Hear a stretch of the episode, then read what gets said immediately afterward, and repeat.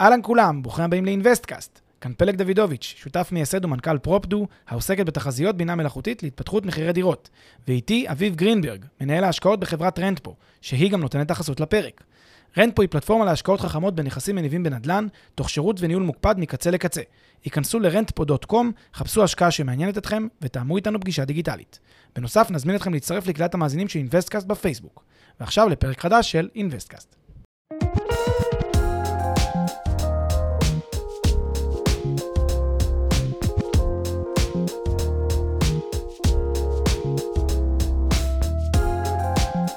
פלג, מבסוט לראות אותך. אהלן אביב. מה שלומך? בסדר גמור, חמישי שמח. חמישי שמח, עוד פרק. איזה כיף. yes, אני מתרגש. על מה אנחנו מדברים היום? היום אנחנו מדברים על איך להקים קרן השקעות בנדל"ן. וואו. איזה דבר מוזר, נכון? איך להקים קרן השקעות בנדל"ן. רגע. רגע. הרי המאזינים שלנו רובם משקיעים פרטיים. משקיעים פסיביים. מה מעניין אותם מה? עכשיו? איך להקים קרן השקעות בנדל"ן. מה אכפת להם איך מקימים קרן השקעות בנדל"ן ולמה לעשות זאת? הרי אנחנו מתנגדים לקרנות השקעה בנדל"ן בבסיס. שלנו, כי הן קרנות יזמיות, קשות. זו עסקה מורכבת, זה לא מתאים לכל אחד, עסקת אה, השקעה בק- בקרן נדל"ן יזמית, זה רק לסופר דופר אמיצים וכאלה שמוכנים באמת לקחת את הסיכונים ולהפסיד. אבל חשבנו שאם המשקיעים העיקריים שלנו יבינו איך להקים את הקרן מהצד של מי שהולך להקים אותה, וגם מבין המשקיעים שלנו יש גם הרבה חבר'ה שהם כן יזמים קטנים שמחפשים לצאת בגדול. אז החלטנו שזה יהיה פרק שמעניין לכולם, גם למשקיעים וגם ליזמים, מין סט של כלים, סט, סדר הפעולות שצריך לעשות כדי להקים את קרן ההשקעות, לא כדי חלילה לקרוא למישהו לעשות את זה, מי שלא רצה לעשות את זה, אלא כדי שאתם כמשקיעים, אם יום אחד יציעו לכם כניסה להשקעה בקרן השקעות יזמית, תבינו מה זה אומר ומה זה היה כרוך כדי להוציא אותה לפועל. את העסקה הזאת, תבינו את השלביות שלה מהצד השני. וזה ישלים לכם את התמונה לגבי הרבה מאוד דברים שאנחנו מדברים עליהם באינבסטקאסט, כי אה, אתה יודע, לפעמים כשאתה רואה את התמונה גם מהצד השני, אז אתה מקבל תמונה יותר רחבה, ודברים הרבה יותר ברורים. גם יותר מבין למה אתה נכנס, סבבה? גם נשזור את זה לאורך הפרק, את ההסבר איך כל, כל אחד מהמאזינים שלנו יפיק ערך לאורך הפרק. אז איך אנחנו הולכים, אה, איך אנחנו הולכים אה, להסביר את זה? יפה, אז, אז בעצם מה שאנחנו, מה שאנחנו נעשה, אנחנו בעצם ניתן כמו מעין רשימת הפעולות כדי לצאת עם קרן השקעה בנדל"ן מחר בבוקר, בסדר? כאילו, מחר בבוקר אתם יכולים להחליט שאתם עושים, הולכים לכיוון הזה. מה סדר הפעולות שאתם צריכים? כמובן, מי שכבר התנסה במשהו כזה, מי שכבר, לא יודע מה, אולי אם יש פה מישהו ש, שמנהל קרנות השקעה ב- בעצמו, לאחרים, או בכל צורה שהיא, הוא כבר מכיר חלק גדול מהדברים, אני מניח.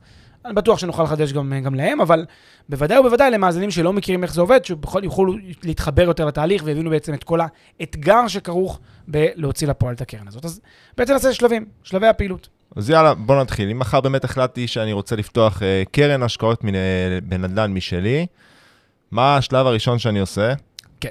הדבר הראשון שאני מחפש אותו זה נכס. תראו איזה דבר מוזר, אני משקיע בנדל"ן, אז אני צריך למצוא נכס נדל"ני. אה, מאוד מוזר, אבל זה מה שאני צריך לעשות. אבל הדבר שבאמת עכשיו ברצינות מוזר, זה שאני לא חייב לקנות את הנכס. למעשה, מה שאני צריך כדי, נגיד החלטתי שאני רוצה להקים קרן, קרן השקעות, זה הייעוד שלי בחיים. נגיד החלטתי, מאיזושהי סיבה. אני לא צריך עדיין לקנות שום נכס. אני צריך לקנות איזושהי זכות, או איזשהו זמן, או איזשהו משהו ארטילאי בשלב הזה, כי מה שאני נמצא במהלכו כרגע, זה השלב המאוד מאוד מקדמי, אנחנו תכף נקרא לזה שלב ה-POC, Proof of Concept, שלב מאוד ראשוני, שאני עדיין לא חייב שיהיה לי נכס ממשי ביד. אני אסביר מה הכוונה. אני יכול, החל מממש לקנות עכשיו, נניח, אני רוצה לקנות בית מלון ב... לא יודע מה, מיאמי, בסדר? קו ראשון לים, בית מלון, בא לי לראות את המספרים בדולרים, בא לי שהמשקיעים שלי ישקיעו במיאמי, אני מאמין בשוק, פלורידה מדהימה. קיצור, כל הסיבות בעולם. החלטתי שזה השוק שאני רוצה להתמקד בו. עכשיו, אני יכול ללכת ולקנות ממש את בית המלון הקיים, כן? ואז אני צריך בעצם להעביר למוכר, מי שאני קונה ממנו את בית המלון, כמה עשרות אם לא מאות מיליוני דולרים כדי לממן את הרכישה, מן הסתם. כמובן שאם יש לי את הכסף, אז אני לא צריך קרן השקעה, נכון? בדיוק. אז, אז, אז אני לא אעשה את המסלול הזה. אבל מה שאני יכול לעשות זה בעצם להגיד, אוקיי, אני יכול לייצר סביב אותו נכס נדל"ני, סביב אותו בית מלון, איזושהי זכות ארטילאית מסוימת, ועליה לבדוק, לבצע בדיקת היתכנות ראשונית לגבי העניין שיש ברכישה שלה. אז מה אני עושה? אני הולך לבעל הנכס, בין אם, בין אם זה מתווך שמייצג אותו, או בין אם בעל הנכס עצמו. אומר לו, תשמע, הגיעה אליי ההזדמנות שאתה מוכר את הנכס, שמעתי על זה שאתם מוכרים, ראיתי שאתם מוכרים, אני, שים לב מה אני הולך להגיד פה, אני מייצג קבוצת משקיעים. אני כבר עכשיו יושב עם הכסף. למה? אם אני לא אומר לו שאני יושב עם הכסף, אין Why עסקה. bother? אין עסקה.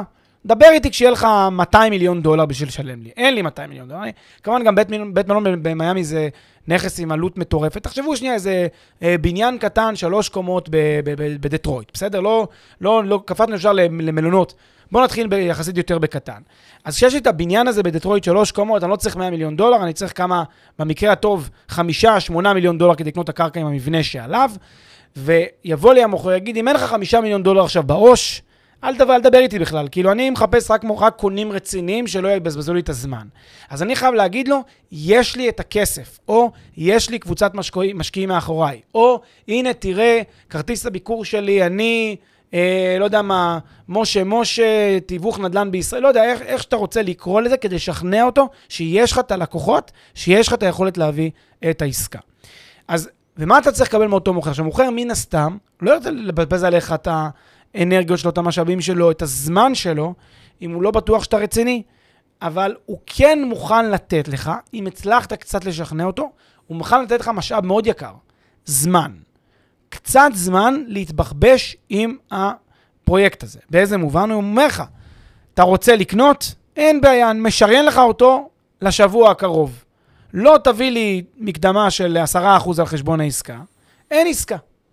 בסדר? עכשיו המטרה שלכם זה בתקופה המאוד קצרה, שבוע יהפכו גם לשבועיים, יהפכו לשלושה, אם תראו לו שאתם רציניים, בתקופה מאוד מאוד קצרה, להרוויח כמה שיותר זמן, כמה שיותר זמן מאותו מוכר, כך שהוא לא ימכור את הנכס הזה למישהו אחר, ואז כל מה שעשיתם ירד לטמיון. עכשיו, שימו לב, יכול מאוד להיות שהגעתם לנכס שיושב בשוק כבר, הוא שמונה חודשים במרקט, אף אחד לא קונה אותו, אז אין לכם מה למהר כל כך, כי כנראה לא יקנו אותו עכשיו, פתאום. מדבר איתכם על, על נכס שאתם רואים שהוא מעניין, שיש סביבו קונים. יכול להיות שהמוכר, אם הוא יראה שאתם רציניים, ייתן לכם תשומת לב, ייתן לכם את הכמה ימים, אפילו שבועות, כי את- אתם מבינים, אפילו אם אתם באמת רציניים, ואפילו אם אתם יושבים בקאש, זה לא מהיום למחר. יש גם בדיקת נאותות שעושים, יש תהליך שעושים. זהו, אבל זה דווקא לטובתכם. בדיוק. בהרבה, בהרבה מקומות אה, אה, זה ממש, זה נהוג, זאת אומרת, יש את התקופה של ה inspection, אה, בארצות הברית לצורך העניין, בהרבה מדינות זה, זה ממש נהוג, זאת אומרת, יש לך תקופה ארוכה לעשות inspection מת, אה, מטעמך, להביא קבלן שיפוצים מטעמך ודברים כאלה, וזה תהליך שמאפשר לך, כמי שמקים קרן השקעות, בזמן הזה ללכת ולגייס את הכסף שאתה צריך לטובת רכישת הדירה. אה, כי אתה רק נותן איזה down payment בתחילת התהליך, שהוא אה, אה, זניח יחסית, ואת, התח... ו... ואת הסכום הרכישה, אתה תעשה ברגע שתחליטו על רכישה בסוף ה inspection. אז נכון. נכון. לך בדיוק, בדיוק את הזמן שאתה צריך להרוויח. במובן הזה, אז גם, גם אם המוכר שלכם מאוד אה, לחוץ, כאילו כבר ל, לא רוצה לחכות לכם, אתם, אתם חייבים להגיד לו גם בצורה ריאלית, חביבי, זה לוקח קצת זמן, בודקים, אני צריך למנות פה עכשיו רגע עורך דין, יועצים, שיבדקו שנייה, זה לא מהיום להיום. לכן, יש לכם פה זמן קצת של תמרון, שאתם יכולים לחכות איתו טיפה. עכשיו, יש לכם את, את, את הנכס לפניכם. הנכס כרגע, זה לא הנכס עצמו, אין לכם כרגע בעלות ב, ב, בקרקע הזאת בדטרויט או במלון במיאמי, אין לכם עדיין את הבעלות שם. יש לכם זכות ארטילאית כזאת, ביניכם שהחלפתם אותה במיילים, כזה שזה מחכה לכם. סוג זה של אופציה. מספיק טוב בזמן הזה כדי להתחיל. עכשיו, נק- אמרת נקודה נפלאה, אופציה. בואו נגיד רגע מילה על אופציה. אופציה זה לקחת את זה לצעד הבא. זה לקחת את זה כאילו על ספידים, זה לקחת את זה לאקסטרים. למה? אופציה יש לה שווי כלכלי. אף אחד לא נותן אופציות, כי אופציה בדרך כלל זה לתקופה. זה לא לשבוע קדימה. אופציה זה חצי שנה עכשיו, יש לך, יש לך גרייס. אופציה משלמים עליה כסף. במשפט, אז שאופציה, תגדיר אופציה במשפט, אופציה זה? אומר שיש לי את הזכות לקנות ברגע שאני אשלם עוד... במחיר אה, מסוים עוד- ששריינתי. מעכשיו. נכון. אז האופציה זה בעצם, המוכר מתחייב למכור לי. זה בעצם הזכות שלי לקנות ממנו, אז לכן הוא מתחייב למכור לי. אבל הוא לא מקבל היום את הכסף, הוא גם לא מקבל מחר את הכסף, הוא יכול גם שנה לחכות, אם זה מה שסיכמנו באופציה. אבל מה, מה הוא יגיד? הוא יגיד, רגע, אני לא מביא לך עכשיו שנה שאני אתה דוחה אותי, בלי שאתה משלם לי על זה כסף, אז אופציה עולה כסף. ולכן, כשאמרת אופציה, ישר אמרתי, אופציה זה, באקסט... זה באקסטרים. ולכן, מי שיש לו, לצורך העניין, אה, כסף כדי לשריין אופציה, והוא רוצה לסכן את הכסף הזה, כי הוא חושב שזה יתרום לו. לא יודע מאיזה, מאיזה סיבה הוא חושב את זה, יכול להיות שיש סיבות טובות שהוא חושב את זה, אבל מי שיש לו אופציה, אה, מי שיש לו כסף ורוצה לקנות ממש את האופציה, נגיד כי יש טירוף עכשיו על, ה, על הקרקע הזאת, ובקרקע מציאה בוננזה שאין כדוגמתה, מרכז העיר, אין דברים כאלה, אז אולי שווה לו להשקיע את את האופציה, אבל שימו לב, זה non-refundable. זאת אומרת, רק כששמתם את הכסף כן. על האופציה, זה non-refundable. זה כסף שכבר ירד לטמיון, אם העסקה לא יוצאת לפועל. לכן, אופציה לא ממש צריך. כן צריך זכות רעיונית, כמה שיותר זמן לדחות את מועד ההחלטה מבחינתכם. אני כבר מבטיח לכם שהמוכר מהר מאוד יריח, תראו, תראו, כולם עושים את זה, כן? אז המורחים, אה, המורחים, המוכרים יבינו מי הם, המוכ... מי הם המורחים. אה, כי הם יזהו מהר מאוד כשאתם לא רציניים, כשאין לכם את הלקוחות, המשקיעים, כשאתם סתם מייצגים אוויר כרגע, הם, הם, י- הם יהיו ערים לזה. אלא אם כן באמת זה מישהו ש... ש... טיפה יותר, אה, טיפה פחות לחוץ, ויש לו קצת יותר סבלנות, ואז הוא ייתן לכם את השבועיים שאפשר להתארגן, אבל כשהוא ייתן לכם את הזמן, תנצלו אותו, אל תשבו רגל על רגל ותגידו, טוב, יש לי עכשיו את העסקה. עכשיו, יש דבר מאוד מדהים בעולם הזה, וזה מוביל אותי לנקודה הבאה, שזה נקודת אה, תחילת בעצם השיווק. יש דבר מאוד מדהים. ברגע שיש לכם אחיזה ארטילאית בנכס, הכל משתנה. הכל. כל מצב העולם משתנה, כי עכשיו אתם עומדים לקנות, סליחה על הביטוי, fucking אה, בניין בדטרויט.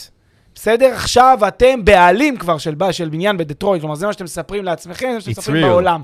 כל מה שיש לכם זה מייל מהמוכר one week. כאילו, זה מה שיש לכם. אבל זה, ה, זה האקדח שיורה לתחילת המרוץ זה מבחינתכם. האקדח ש... בדיוק, זה בדיוק הנקודה.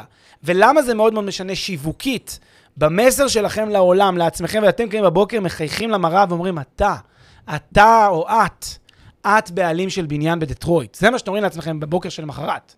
כאילו, you're the boss now.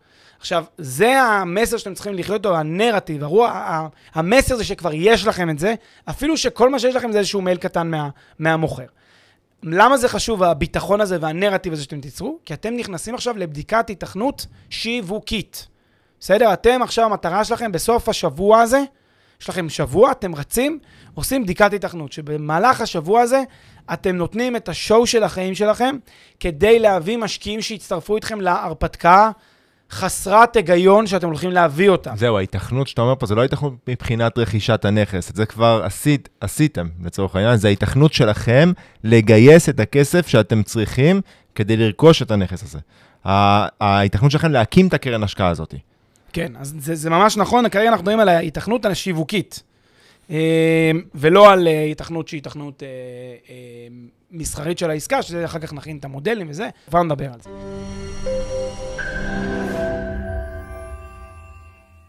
לפני שנמשיך, כמה שניות מזמנכם. הפרק בחסות רנטפו, פלטפורמת השקעות חכמות בנדל"ן עם האנשים שמאחורי אינוויסטקאסט. רנטפו מאפשרת לכם להשקיע בשקיפות וביעילות בנכסים מניבים, תוך ליווי וניהול מוקפד ומקצועי מקצה לקצה. היכנסו ל-rentpo.com, חפשו השקעה שמעניינת אתכם, ותאמו איתנו פגישה דיגיטלית.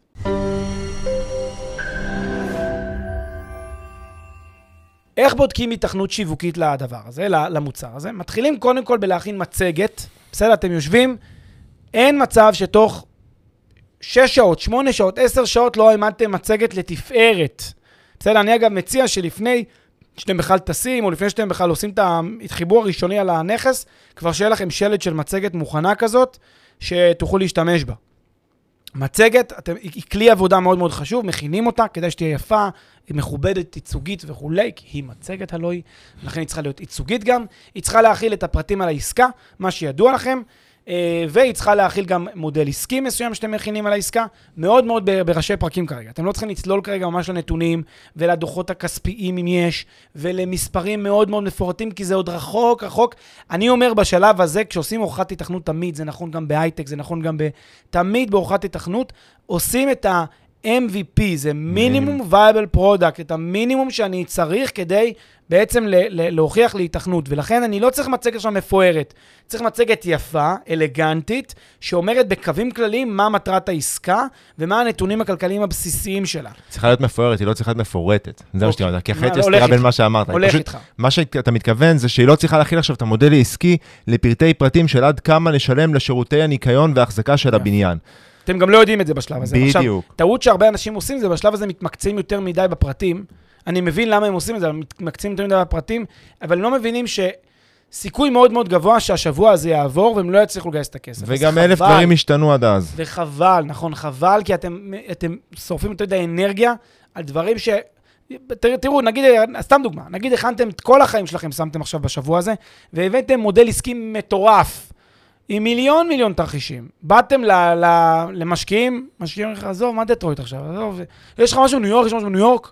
ניו יורק. בדיוק. מה כאילו- שאתם- מה שאתם צריכים לה- להגיד לעצמכם כל הזמן בשלב הזה שאתם עושים את המצגת עכשיו, שהמטרה שלכם כאן היא, לב- היא אפילו, אתם יודעים מה, היא אפילו עוד לא בשלב הנורא ההתחלתי הזה, לא לגייס את הכסף, היא לבדוק היתכנות, זה, בגלל זה proof of concept, לבדוק האם אנשים ירצו להשקיע באזור הזה, בפרויקט כזה, בדבר הזה, האם הם ירצו להשקיע, בדיוק, ולכן אין טעם עוד לכל הפרטי פרטים. בדיוק.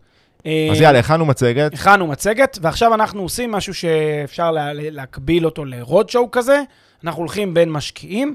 כדאי שיהיה לנו בשלב הזה כבר, אגב, כדי שאנחנו מתחילים, אנחנו צריכים שיהיה לנו איזושהי קבוצה, חברים, משפחה, אנשים שאנחנו מארגנים אותם אפילו על אקסל שנייה בראש, או באקסל, שמי אני הולך להציע לו, מה אני הולך להסביר לו. אה, כאן חשוב מאוד לשים לב שיש חוק במדינת ישראל ובהרבה מדינות בעולם, שבו אסור לכם להציע לאנשים להשתתף בהרפתקאות שלכם, אם מדובר בהשקעה בניירות ערך של תאגיד. לכן אתם מוגבלים למקסימום 35 איש שהצעתם להם. לכן אלה שאתם מוציאים להם צריכים להיות רציניים, שאתם יודעים שיושבים על כסף ומחפשים השקעה וילכו איתכם. ואם אתם רוצים לשמוע עוד על הנושא הזה, תשמעו את הפרק, תאזינו, סליחה, לפרק שעשינו על סופן של קרנות ההשקעה, נכון. שנדבר בדיוק על בדיוק הקושי על הזה הדברים של. קרן אה, אה, לגייס ממשקיעים עם מגבלה של 35 ניצנים. וה, והפרק ההוא גם אה, כותרתו בדיוק במקומה מונח, כי הסופן של קרנות ההשקעה באותו מקרה היה בגלל שאנשים עשו את ה... את ה- את הפני- כן, לכאורה. עיגלו פ- פינות. עיגלו את הפינות, ואז ניצלו את הפרצה והציעו ליותר מ-35 אנשים. אתם לא אנחנו- רוצים להיות, בדיוק, שאתם מקימים מציעים- ל- כבר להגיע לסוף. אנחנו מציעים לכם אנשים ישרים, ו... ולכן זה אומר שאתם עכשיו מוגבלים להציע ל-35 ניצאים, לצורך העניין, כן. ממשיכים פה ברוד המקום, שואו. אגב, אמרת מילה ישרים לפני שממשיכים. כאן המקום להזהיר ולהתרות בפני כל המאזינים שלנו. אתם לא הולכים להיות מהאנשים האלה שמקימים קרנות השקעה ומשחקים מלוכלך ומס... ומ... ומשקרים את המשקיעים שלכם ומהונים אותם.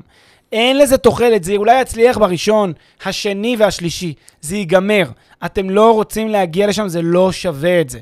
תהיו ישרים, תהיו הגונים, אין בושה להגיד לא יודע, וגם אם זה ייקח לכם במקום, אה, לא יודע מה, שלושה חודשים להביא כסף, זה ייקח לכם חצי שנה עד שתצליחו בעסקה הראשונה שלכם, או שנתיים גם.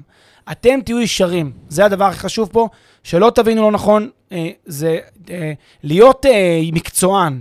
ולהיות אה, יעיל, ולהיות תועלתן, ולעשות MVP, ולעשות דברים ברמה שהיא יותר שטחית בהתחלה, זה לא על חשבון להיות ישר. ברור. בסדר? אז זה מאוד מאוד חשוב. אז זה השלב שבו אתם בעצם עושים את הסוג של קבלת הצהרת כוונות ראשונית מאנשים. לא, לא צריכים עדיין להחתים אותם, אבל אתם צריכים לראות שיש אנשים שאומרים לכם, תשמע, אני בעניין, זורם איתך. אתם צריכים את אותם חמישה, שישה, עשרה, חמש עשרה חבר'ה, כל אחד יושב נגיד על 100 אלף דולר, 300 אלף דולר, כל אחד כמה שיש לו, כדי להצטרף איתכם להרפתקה הזאת. אתם צריכים גם להביא קצת כסף מהבית שיהיה. אה, זה מאוד יעזור כמובן בשיווק, ואתם מקימים, אה, מקימים רעיונית את גרעין הקרן הזאת, כדי שיהיה לכם משהו להתחיל לעבוד איתו. ובשביל המשקיעים הפרטיים שנשארו איתנו עד עכשיו, אה, ולא מתכוונים לפתוח קרן השקעות, מה הם לוקחים מכל מה שאמרנו מהשלב הזה? שהוא שלב ראשוני, גם ככה הם כמשקיעים פרטיים לא ייחשפו לקרן בשלב אנחנו, הזה. קודם כל יש עוד שלבים אחרינו, אז אנחנו תכף גם נמשיך את ההסבר, אבל ברור. מה עד עכשיו? שימו לב עד עכשיו מה עשינו. עד עכשיו אנחנו מראים לכם איך, מה עושה בעצם אותו יזם, מקים קרן השקעה, ומתי אתם פוגשים אותו כמשקיעים. הרבה פעמים אתם פוגשים אותו כשכבר יש משהו הרבה יותר מגובש, תכף נדבר גם על זה, זה השלב השני, אבל חלק מכם פוגשים אותו בשלב יותר מקדמי, אותו או אותה, שלב יותר מקדמי, כשיש רק רעיון. עכשיו אתם מבינים למה אין לו תשובות עוד לתת לכם. למה הוא לא יודע בדיוק כמה אנשים ייכנסו? למה הוא לא יודע בדיוק אפילו איך יחולקו היחידות? למה הוא לא יודע אפילו איפה הנכס? הוא לא יודע להסביר לכם עליו כלום, הוא רק יודע בגדול שמדובר באיזה בניין כללי, הוא לא מבין את המצב שלו, הוא עוד לא שם, הוא עוד לא שם, הוא עכשיו בשלב של הבדיקת תכנות. הוא לא יכול להגיד לכם, however, הוא לא יכול להגיד לכם, תראה חביבי, אני לא יודע כלום, אני סתם בדקתי עכשיו אה, כאילו נכסים בא- באינטרנט ובחרתי משהו שראיתי וקיבלתי איזשהו זכות ארטילאית מהמוכר. הוא לא יגיד לכם את זה, כי זה יהיה, יכבה אתכם. אתם לא תרצו, תגידו, תבואי, תגיד לי כשאתה יותר מבושל. כדי שהוא יצליח לרתום אתכם, להגיד לו, I do, לא רוצה לחתום, אבל I do, אני מצטרף להרפתקה באופן עקרוני, הוא חייב להגיד לכם, לשדר ביטחון בעסקה. הוא חייב להגיד לכם, זו עסקה מצוינת, לכו איתי, סמכו עליי, אני אבנה את זה. אני אבנה את זה נכון. אז בגלל זה, כשהוא לא יודע תמיד את כל התשובות, אז במובן הזה אתם צריכים להבין, אולי זה רמז לזה שהוא בכלל בשלב מאוד מאוד מקדמי בעסקה, אולי הוא עדיין רק על הדיבורים מול הבעלים. יש כאלה גם מתחילים לשווק את הדבר הזה עוד לפני שאפילו דיברו עם הבעלים, שזה בכלל הזוי. אה, אבל אתם צריכים להבין שזה יכול להיות המצב שבגללו הוא לא יודע לענות לכם על שאלות, הוא או היא לא יודעים לענות לכם על שאלות בשלב הזה. וזה אומר מבחינתכם שאתם צריכים להיות מאוד מאוד מאוד זהירים, ובטח לא למהר לחתום על דברים, אולי באמת כמו שהוא, כמו שהוא עושה proof of concept, גם אתם יכולים להגיד, I do, I do כזה, או, או אפילו בנוסף, לשאוף לקבל איזושהי סוכריה על זה שאתם רוצים להיכנס בשלב איזה כזה יותר. מוקדם, שהוא אה, אה, עדיין לא ודאי. ניתוח פנטסטי. זאת אומרת, אתה אומר, אתה, בשלב הזה אתם יכולים להגיד למוח, ל, ל, לחבר שלכם, תקשיב, אתה מכניס אותי פרי גיוס. יש גיוס, אתה תכניס אותי פרי הגיוס. בוא, אל, הבנתי את המשחקים, אתה לא יודע כלום כי אתה עוד רק ברעיון, ברעיונות כלליים. אין בעיה, אני נכנס. תן לי הנחה, למה אני נכנסתי קודם, אני נתתי לך התחייבות להיכנס קודם, כמובן שהוא צריך את ההתחייבות. אתה מבין את ההבדל? פה אמרתי להם בלי התחייבות, רק אה, אישור עקרוני כזה. מהמם. נפנוף יד. לא דיברתי על uh, משהו שהוא חותמת עכשיו. אם זה התחייבות ממש, מקובל ואפשר לבקש ולדרוש סוכריה, כמו שאתה אומר, או הנחה, או שאתה נותן לי יותר חלק, או שאתה נותן לי, ואז. אם אתם גלויים ושקופים עם כולם, אתם גם אומרים למשקיעים המאוחרים יותר, בהנחה שזה יבשיל, יש מישהו שקיבל כי הוא, הוא נתן לי התחייבות מוקדמת. זה חשוב, יכול להיות שזה יצנן את המאוחר יותר, דעו, דעו, לכם, אבל חשוב לומר את זה. אגב, אני רוצה לשים פה איזושהי אה, סוגריים ולהגיד, אה, כי יוכל להתעורר לאנשים השאלה, האם צריך בכלל נכס בשלב הראשוני, האם את כל התהליך הזה שאמרנו, אני בכלל חייב שיהיה לי את הקרקע הזאת בדטרויט או בית המלון במיאמי. התשובה, לא בהכרח, רצוי מאוד מאוד ועוד פעם מאוד. למה לא בהכרח? כי אני יכול להגיד, תיאורטית, להכין מצגת מדהימה, לספר סיפור מדהים על זה שאני מתכוון לקנות, מתכוון לגייס כסף כדי לקנות אה, בית מלון במיאמי, או לא יודע מה, או, או single family בג'קסונוויל. אני יכול לבוא ולהגיד את הסיפור הזה ולהציג אותו כמשהו יותר ערטילאי, יותר רחוק, ולהגיד לך, בוא תיכנס איתי, אני מאמין עכשיו בשוק הקרקעות להשקעה בג'קסונוויל. אני מאוד אוהב את פלורידה, מדינה מדהימה, שם אני רוצה להשקיע. בואו תיכנסו איתי להרפתקה הזאת, ונקנה שם קרקעות בתור קרן השקעה. אה, עוד אין לי, עוד אין לי קרקע, עוד אין לי זכויות, עוד אין לי כלום, אבל זה הכוונה שלי. זה נקרא אסטרטגיה. זה נקרא, אני מקים איזה עושה גיוס אסטרטגיה כזה, גיוס אסטרטגיה. זה אפשרי, אבל זה הרבה פחות רצוי כמובן. למה שיווקית? המשקיע שלך לא רוצה שאתה תבוא ותגיד לו חלומות שאתה חולם בעתיד, כן? הוא רוצה לראות משהו. תן לו משהו. ברגע שיש משהו, כבר התקדמת. בגלל זה אמרתי שכבר קיבלתם את ה-you have one week מהמוכר, אתה כאילו מרגיש דולרים עפים לך מעל הראש, כאילו מה, זכית פה עכשיו בלוטו. יש כן. דרך ביניים לקרנות, אני מכיר פשוט כמה קרנות שקמו, אני, כמה קרנות שקמו ועשו גיוס כזה אסטרטגי, זאת אומרת, הם, יש להם איזשהו, זה איזשהו מודל רכישה לצורך העניין, שלפיו הם יחפשו דירות וימכרו, אה, וירכשו וימכרו. מה שהם עושים, וזה מסו... אם אתם מתכוונים להקים קרן כזאת, זה פשוט מסוכן מבחינתכם, עוד מעט אני אסביר למה, אבל מה שהם עושים, זה מקימים את הקרן, מחתימים את המשקיעים, ועדיין לא קוראים לה כסף. זאת אומרת, עדיין לא מבקשים מהמשקיעים להעביר את הכסף, עד שהם, עד שיהיה מצב לקראת הרכישה. בעייתי לכם כמי שמקימים את הקרן, כי אתם צריכים לסמוך על המשקיעים שלכם, שיהיה להם את הכסף הזה זמין להעברה מיידית ברגע שתצטרכו אותו. כשיהיה לכם את הנכס שעכשיו מצאתם במודל הזה, שיש לכם חלון זמן לא מצומצם לרכוש אותו, שהוא יהיה אצלכם בהישג יד. לגמרי. כל עוד אתם יכולים להבטיח את זה, ככה אתם גם מתמודדים עם הפער השיווקי שאמרת, פלג, שיש פה, בזה שעדיין אין נכס, אבל אני מבקש כסף. מאוד מסכים איתך. שים לב שכל זמן שיש את השלב הזה של ההתחייבות מותנית או כל מיני דברים כאלה, זה אומר בסוף, בסוף הם כן רוצים את הנכס. אתה אמרת פה איזשהו פתרון סקאלה כזה, לא בינארי. כן. אבל יש, בוא נגיד, יש פה הרבה שילובים שאפשר לעשות, גם אפשר לעשות אה, הלוואה, זה עדיין לא מהווה הון. אני נותן לך הלוואה, אתה מחויב להחזיר לי אותה אם לא קורה, ואז אני כאילו חלק מה, מה, מהשחקנים פה, אבל אני צריך, אתה חייב לי, כאילו, לא, לא בגדר אה, שותף. וזה גם פתרון, יש כל מיני פתרונות ביניים, אבל בהחלט זה הכיוון. יאללה, אז עד עכשיו דיברנו על ה- בדיקת היתכנות, בדיקת proof of concept, מה שנקרא. יפה מאוד. ראינו שיש היתכנות, קיבלנו תשובות, בואנה, נראה לי מגניב, אני אני אלך איתך אם אה, יהיה פה עוד פרטים, דברים כאלה, מה טיפה אני אעשה יותר? מנראה לי מגניב, אני צריך טיפה יותר, אני צריך שהבחור יגיד לי, אני איתך. אני איתך. ו- ושזה אנשים שאני יודע שהמילה שלהם זה מילה, כן? שלא מחר יגיד לי, תשמע, אחי, בעיה וזה, כאילו, זה מישהו שהולך איתי, שאני אמרתי, יש לי את המילה שלו. כמובן, שוב, אני לא צריך ש-100% מהסכום יהיה לי.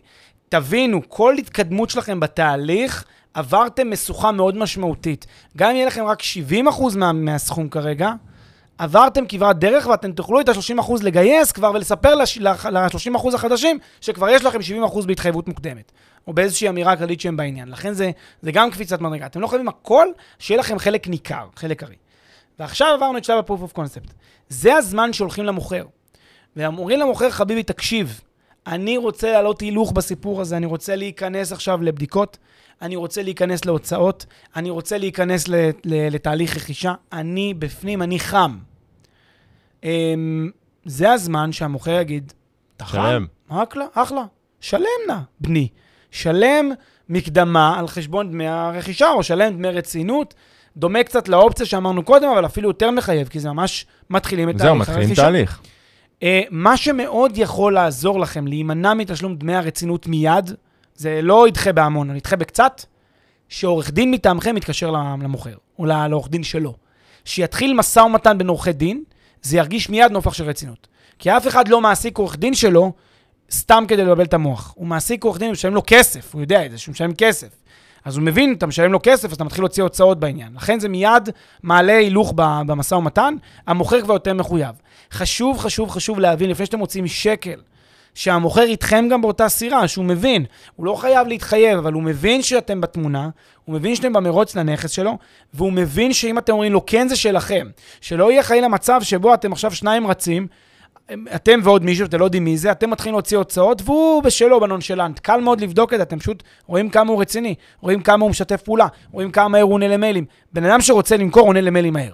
עונה למייל, מחזיר לכם מיילים, לא הוא, אז היועץ שלו. לא, גם עם העברת מקדמה, אתה חותם על איזשהו, איזשהו אה, מסמך משפטי שמחייב את המוכר. עוד לפני אפילו העברת המקדמה, עוד, עוד ב, ב, ב, עוד לפני אפילו העברת המקדמה. אוקיי. אז כאילו, בשלב שיותר, אה, בשלב שיותר אפילו מקדמית, יכול להיות שכמובן אם העברת המקדמה זה כמובן רצינות. בדיוק. אבל אה, אפילו עוד, אה, אפילו עוד לפני. ו... מה שיכול להיות שתצטרכו בשלב הזה לעשות, זה באמת, כמו שאמרת, להביא את המקדמה.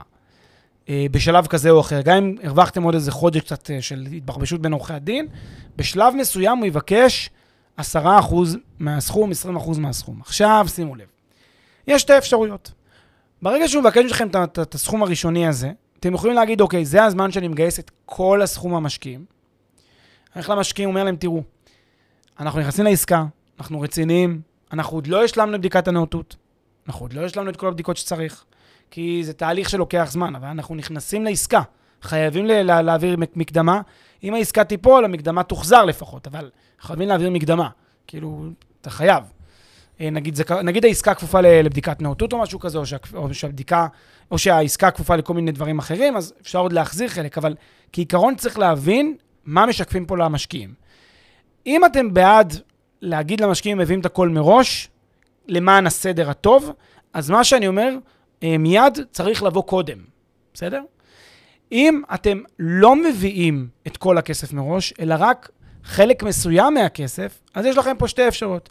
או שאתם הולכים שוב לכל המשקיעים ואומרים להם, תעבירו לי 10% מהסכום, ואז עוד פעם, אתם צריכים לעשות את המבנה קודם, שתכף נגיע למה זה המבנה, או שאתם הולכים לאיזה שניים, שלושה משקיעים, ואומרים להם, תקשיבו, אתה, אתה ואת ואני, אנחנו נעמיד את ההון העצמי בשביל המיזם כולו.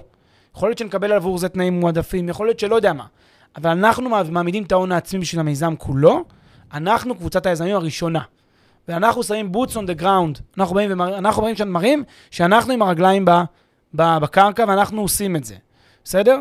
עכשיו, למה זה כדאי? כי אז בעצם יש כבר כמה אנשים, ש... זה, זה שיווקית, זה מראה לאנשים, הנה, יש כבר כמה שחקנים, שכמה, אתה יודע, אה, כאלה דגים שכבר התחילו לשחות שם, והם טובלים במים כבר שם. אז אני כמשקיע עכשיו פסיבי, יותר נוח לי לשים את הכסף, כשאני יודע שכבר יש מי ששם את כל ההון העצמי. במקום ש... מההתחלה מבקשים ממני לשים 10% עוד לפני שסיימו את כל הדיו דיליג'נס. אני בכלל לא אוהב את ה... אני... זו אופציה שאני אוהב הרבה יותר, ואני ממש לא חושב שנכון uh, לגייס את כל הכסף מהמשקיעים אה, בתחילת הדרך, בשלב המאוד מאוד מאוד מקדמי הזה, אה, שעדיין עושים את ה-inspection ואת ה-due diligence, בסוף זה לא, זה לא תורם לשני הצדדים, כי גם למשקיעים זה משפיע על חישוב התשואה. כי לצורך העניין הם מסיימים את הכסף פה בשלב יותר מוקדם, וזה משפיע על ה-IRR, כי יש להם פה כסף שבשלב הזה לא עושה בשבילם כסף, הוא יכול לעשות באפיק אחר. זה משפיע גם לכם כמנהלי הקרן על התשואה שאתם תראו, שהבאתם למשקיעים בסופו של העניין. אה, וגם, לא נכון שיהיה לכם כסף בבנק כשאין לכם מה, שאין לכם מה לעשות איתו. הכסף תמיד צריך לשחק בשביל מישהו, ואם לא בשבילכם בשלב הזה, שישחק בשביל המשקיעים. ולכן אני חושב שהרבה יותר נכון זה או להביא את זה מההון העצמי, אה, ואחרי זה לקבל את זה בחזרה מהקרן, או לגייס את זה מקבוצה קטנה של משקיעים, כמו שאמרת, או מסוג של הלוואה, אבל לא לגייס את כל הכסף, 100% מסכום רכישת. הנכס או הנכסים בשלב הזה, לדעתי זה פחות נכון.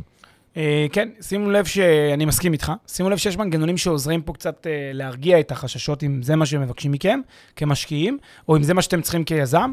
אה, המנגנון הכי פשוט זה נאמנות. כלומר, להגיד שיש פה איזשהו עורך דין, שהכסף עובר אליו בנאמנות, הוא יושב אצלו, ונשחרר אותו רק בהתקיים התנאים לפי הסכם הרכישה של, של הקרקע במבנה בדטרויט או במיאמי, ואז אם בראשון לשמיני 2021 צריך להביא, לה, להביא רק 10% מהסכום, הנאמן ישחרר רק 10% מהסכום, כן, אבל זה עדיין... ו-90% עדיין יהיה מובטח. אבל זה עדיין דורש ממני כמשקיע לשחרר מסכים. כסף שעושה בשבילי כסף במסלול אחר ולהסב אותו לכאן בלי צורך אמיתי בשלב הזה. מסכים איתך מאוד, נכון? מסכים איתך מאוד. שים לב שבמודלים של קרנות ההשקעה, כמעט תמיד מעבירים את כל הכסף מראש במזומן.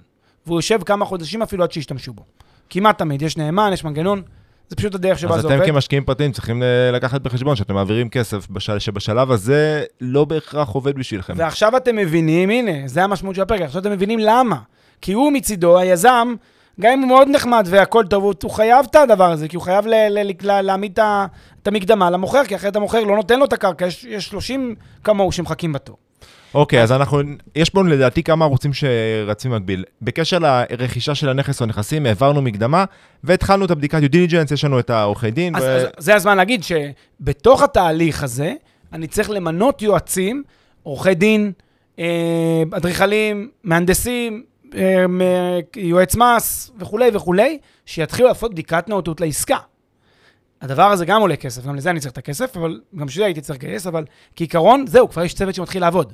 יש צוות שמתחיל לקרוא את המסמכים, צוות שבודק את הזכויות, צוות שיורד לשטח, צוות שלי שעושה את כל מה שצריך לעשות כדי שזה כדי יצא. עכשיו, זוכרים אמרנו מקודם שלא יהיה לנו את כל הנתונים, כי עכשיו אנחנו כבר חייבים את כל הנתונים, פה אנחנו כבר צריכים שיהיה לנו מודל עסקי שנבין בדיוק מה הולך להיות כאן, ואז במקביל לדבר הזה אנחנו גם בעצם עוברים להבין איך אנחנו בונים את, ה, את, ה, את או. אותה קרן השקעות. בדיוק. זה מה שנקרא המבנה של העסקה, או מבנה, ה- המבנה המשפטי. כאן אני צריך לחבר את עורך הדין שלי, הולך, הולך למשרד עורכי הדין שמייצג אותי, ואומר לו, תקשיב, חביבי, אני הולך לקנות עכשיו מגרש בדטרויט, יש מאחוריי קבוצה של משקיעים ששמה 10 מיליון דולר, אני נותן 200 אלף דולר, 300 אלף דולר, whatever, בואו נבנה את זה נכון. איך עושים את זה נכון? אה, הוא ישאל אתכם, מה הוא או היא, עורכי הדין ישאלו אתכם, מה, מי מי שם מתי, כמה כסף שמים, תגיד לי תנאי העסקה, תסביר לי איך זה עובד. ואז אחרי כמה ימים, בשאיפה כמה שיותר מהר, אבל זה ייקח זמן, כי עורכי דין היא... עד שהם יחשבו, ועד שינתחו, ועד שיכינו לכם. תניחו שזה כמה שבועות טובים שישרפו על הדבר הזה של המבנה המשפטי. הוא בסוף ישלח לכם את המבנה שהוא מציע. קרוב לוודאי זה יהיה כרוך בזה שמקימים תאגיד, הרבה פעמים זה יהיה שותפות מוגבלת, או LLC, מה שנקרא בארצות הברית, או יכול להיות גם אפילו אה, אה, כאילו חברה מוגבלת במניות. לא משנה, יקים איזשהו תאגיד, יגיד לכם, לטובת ההשקעה מקימים תאגיד, כל אחד שם את חלקו בהשקעה לתוך התאגיד, והתאגיד הזה הוא זה שמתקשר בהסכם מול המוכר, קונה מהמוכר את הדירות. אם יש לכם כבר אופציה מול המוכר, אנא עשו הסכם המחאה בין התאגיד לביניכם, כלומר, אתם מעבירים ממכם בתור הפרטי, כן, נגיד אה, פלג עצמו הלך, עשה משא ומתן עם המוכר, אז הקונים לא מעניין אותם מי, זה פלג, זה לא הם, הם לא פלג. הם החברה, הם, הם רוצים להשקיע בחברה ש, ש, שפלג מנהל אותה, פלג היזם מנהל אותה, אז לכן הם יגידו לו, אה, חביבי, תמחה לטובת החברה את הזכות שיש לך מול המוכר. ואז הם יצטרכו לראות שיש באמת המחאה שקורית. בסופו של דבר, אתם צריכים לראות מבנה משפטי עובד. מבנה משפטי זה כזה שהוא אחד, הכי יעיל, הכי נוח לניהול, שתיים, הוא גם עבר בדיקה של יועץ מס מטעמכם, מטעם המשקיעים, מטעם היזם, מטעם אה, המדינה שבה אתם משקיעים. בדרך כלל יהיה מעורב אפילו עוד יועץ מס, כאילו בכל אחת מהמדינות. ואז הקמתם את המבנה המשפטי הזה. לדברים האלה יש עלות מאוד מאוד גבוהה, שימו לב, אה, אה, שכרוכה בעצם בהקמת, הרי עשינו את זה עכשיו כדי לא לסבך את המ- את המאזינים, אז אמרנו את זה נורא. אה, אה, ב- במבט של מקרו, בסדר? זה בדרך כלל יהיה גם שותפות עם אה, חברת בת של השותפות, סליחה, שהשותף הכללי יהיה לו חברת בת, שהנכסים יהיו עוד שמה, חברת ניהול, הרבה דברים אחרים. המטרה שאני אומר פה, שבגללה אני אומר את זה, כרוך בזה הרבה מאוד כסף, שכולם כמובן נושאים בו, זאת אומרת, כל המשקיעים מן הסתם משתתפים בזה, ואת, כאילו, זה, גם אתם כמשקיעים פרטיים שמשקיעים בקרן נושאים בעלות הזאת, ואגב, זה בסדר גמור, כי גם כשאתם קונים אפילו דירה על שמכם, אתם מן הסתם משלמים לעורך דין וליועץ מס, פשוט פה, מעצם זה שמתאגדים כקרן, זה יוצר הרבה יותר עלויות. אז רק צריך לקחת את זה בחשבון, ולהוסיף את זה למודל העסקי, אם אתם עכשיו מקימים קרן כזו. מסכים עם כל מילה שאמרת. אמ, זה השלב, אגב, שבו בעצם סיימתם להקים את התאגיד, סיימתם לעשות את ה... אה, לא סיימתם, אלא אתם מקימים את התאגיד, זה לוקח זמן, כמו שאתה אומר, לוקח עלויות. אתם אה, בעצם, אנשי המקצוע מטעמכם, זה עולה הרבה כסף ולוקח זמן, בודקים את המגרש, בודקים את הזכויות וכולי וכולי. Um, הרבה פעמים בשלב הזה בן אדם ישאל את עצמו, וואי, לא ידעתי שכל כך הרבה אנשים הולכים לעבוד עכשיו על הדבר בדיוק. המשוגע הזה, לרעיון הדמיוני הזה שהיה לי לפני שבוע, שכולה גלגלתי אותו בראש ו- וצחקתי, פתאום, אה, אני אשכרה הולך לקנות את הקרקע הזאת בדטרויט, כאילו מי חשב על זה, על הבניין שהיה פעם בית העירייה, למי מי ידע שזה הולך לקרות, והנה זה קורה, פתאום זה קורה, קורה, מור- וגידים, ופתאום הדברים האלה קורים, אבל אז צריך בעצם, אה, אתה יודע, במאני טיים, להביא את הכסף. לכן אתם צריכים עכשיו להביא גיוס. עכשיו אתם עוברים הילוך בגיוס, הופכים את המצגת ממצגת קטנה, מפוארת, כמו שאמרת, אבל קטנה, שלדית וכללית, למפורטת, ברורה ומשכנעת. עושים את הפגישות עם האנשים וסוגרים איתם. חותמים איתם, מחתימים אותם על חוזה שהכין לכם עורך הדין, עורכת הדין שלכם, מחתימים אותם על החוזה הזה, ויש התחייבות שלהם להעביר את הכסף במועד הזה והזה. עושים את הגיוס, נועצים, מוודאים שיש לכם את כל הסכומים כדי להתקדם, אה, ויאללה, יאללה רצים. זה כאילו, זה בגדול השלבים של העסקה היזמית מהצד של, של ה, כן, קרן ההשקעה היזמית, מהצד של היזם, מהצד של בדיוק. מנהל הקרן. זה לא כזה בינארי, צריך להגיד, כי לצורך העניין הגיוס המלא יכול להיות בשלב מוקדם יותר, כמו שאמרנו, שכבר ב... כשגייסתי את מלוא הכסף, כבר בשלב שהייתי צריך להעביר מקדמה, ואז אמרנו שאולי אפשר כאילו... אפשר כבר אז. בדיוק, אז אה, זה, זה רק... כן, רק צריך לא לזכור. שאתם לא יכולים לגייס ברצינות, כאילו, אתם יכולים הכל, אבל זה לא מספיק רציני לגייס לפני שהשלמתם due diligence, כן? זאת אומרת, אתם יכולים להקדים ולהגיד, אני אגייס הכל היום, כפוף לבדיקת נאותות, זה אפשרי. והרבה עושים את זה גם. ואז יגידו לך, אם הבדיקת נאותות תעלה דגלים אדומים, אנחנו נחזיר לך את הכסף. אפשר לעשות את זה. אבל זה לא נהוג. כן. רוב האנשים, אחרי שהם מסיימים את הבדיקות, מגייסים את הכסף. אבל תשימו לב מה המשמעות. מהצד שלכם כמשקיעים, כשיש לפניכם יזם שמגייס את הכסף, צריכים להבין, רגע, השלמת כבר את כל הבדיקות שצריך להשלים? איפה זה עומד בצד הזה מול, ה, מול המוכר, בעסקה?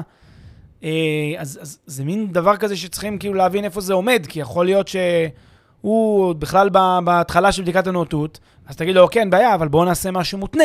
מותנה בזה שלא יהיו הערות מהותיות, ואז גם תחבר אותי רק, כאילו, אם לא אכפת לך לתוצאות של, הממצאים של בדיקת הנאותות, כדי שאני אבין שאכן זה... ומה שדיברנו מקודם, זה שאם אתם בשלב מוקדם, אם אתם מהראשונים שנכנסים, כמו בשלב כזה, אז כמו שאמרת, קודם כל להבין במה זה כרוך, ולהבין, ו, ואם אתם יכולים לחיות עם, ה, עם מידה יותר גדולה של חוסר ודאות, לקבל איזושהי סוכריה על זה, כן. מה שאמרנו מקודם. אז אה, נכון.